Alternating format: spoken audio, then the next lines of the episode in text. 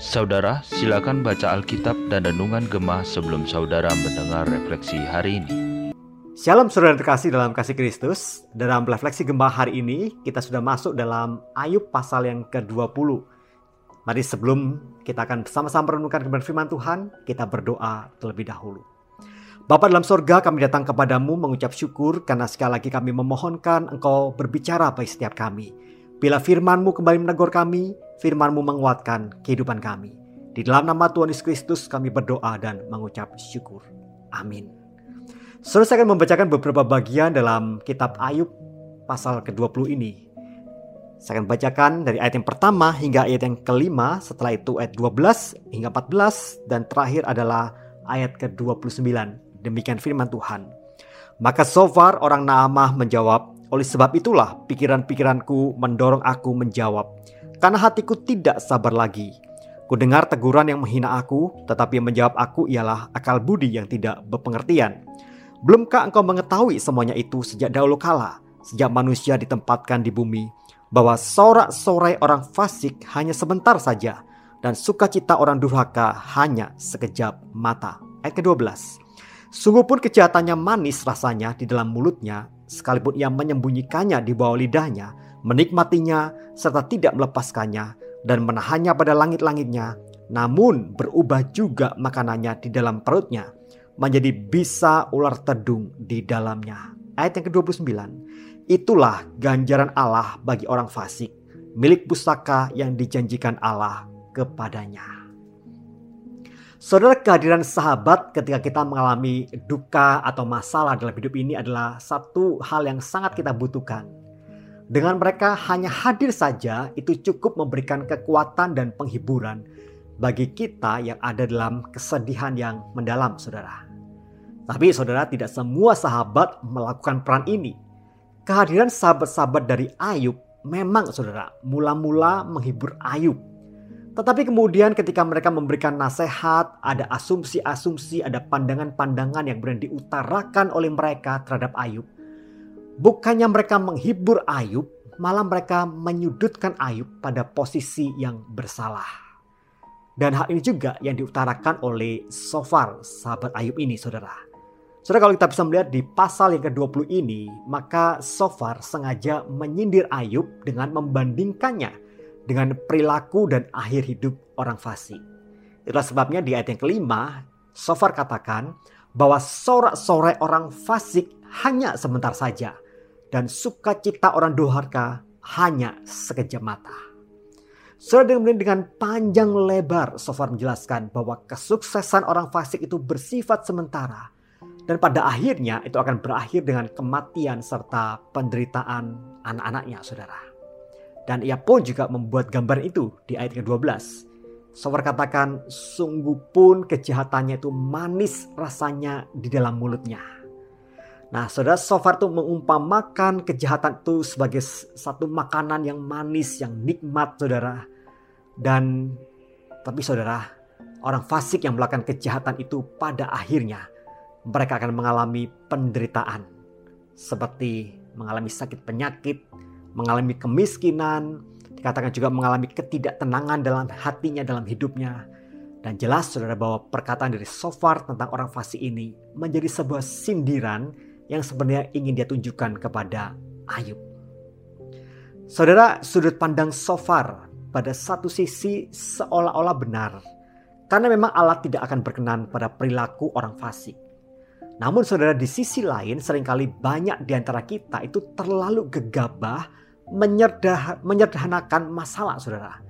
Dan kemudian bisa memberikan tuduhan-tuduhan baik kepada sahabat kita atau kepada seseorang lainnya yang tampaknya ketika mereka menderita dan kemudian kita katakan bahwa penderitaan tersebut adalah hukuman Allah atas dosa yang mereka buat itu saudara. Nah saudara di sini so far memakai logika sebab akibat tetapi dalam logika sebab akibat yang dibawa oleh seorang sofar ini, sepertinya memang kelihatannya masuk akal, tetapi pada akhirnya kita bisa tahu bahwa logika sebab akibatnya itu tidak bisa diterapkan dalam kasus Ayub. Karena realitanya saudara, tidak selamanya orang itu menderita akibat dosa yang ia perbuat. Dan itu juga terjadi dalam kehidupan seorang Ayub dan juga beberapa tokoh Alkitab lainnya yang juga mengalami penderitaan dalam hidupnya oleh karena mereka hidup saleh, hidup benar di hadapan Tuhan. Dan juga saudara, ada realita yang harus kita ketahui bahwa tidak semua juga orang jahat di dunia ini dalam kehidupannya akan selalu hidupnya kemudian berakhir dengan kehancuran di dalam dunia ini sebagaimana argumen yang disampaikan oleh Sofar mereka mungkin akan mengalami sakit penyakit, mereka mungkin akan mengalami hukuman Allah dan kemudian jatuh miskin dan sebagainya saudara. Dan itu saja satu realita yang kita hadapi dalam kehidupan ini. Maka saudara satu hal yang penting bagi setiap kita untuk kita tahu bahwa sebenarnya realita penderitaan di dunia ini tentu banyak sekali mengandung misteri dan pertanyaan-pertanyaan yang kita bisa ajukan dan bahkan kita tidak mampu memahaminya, saudara.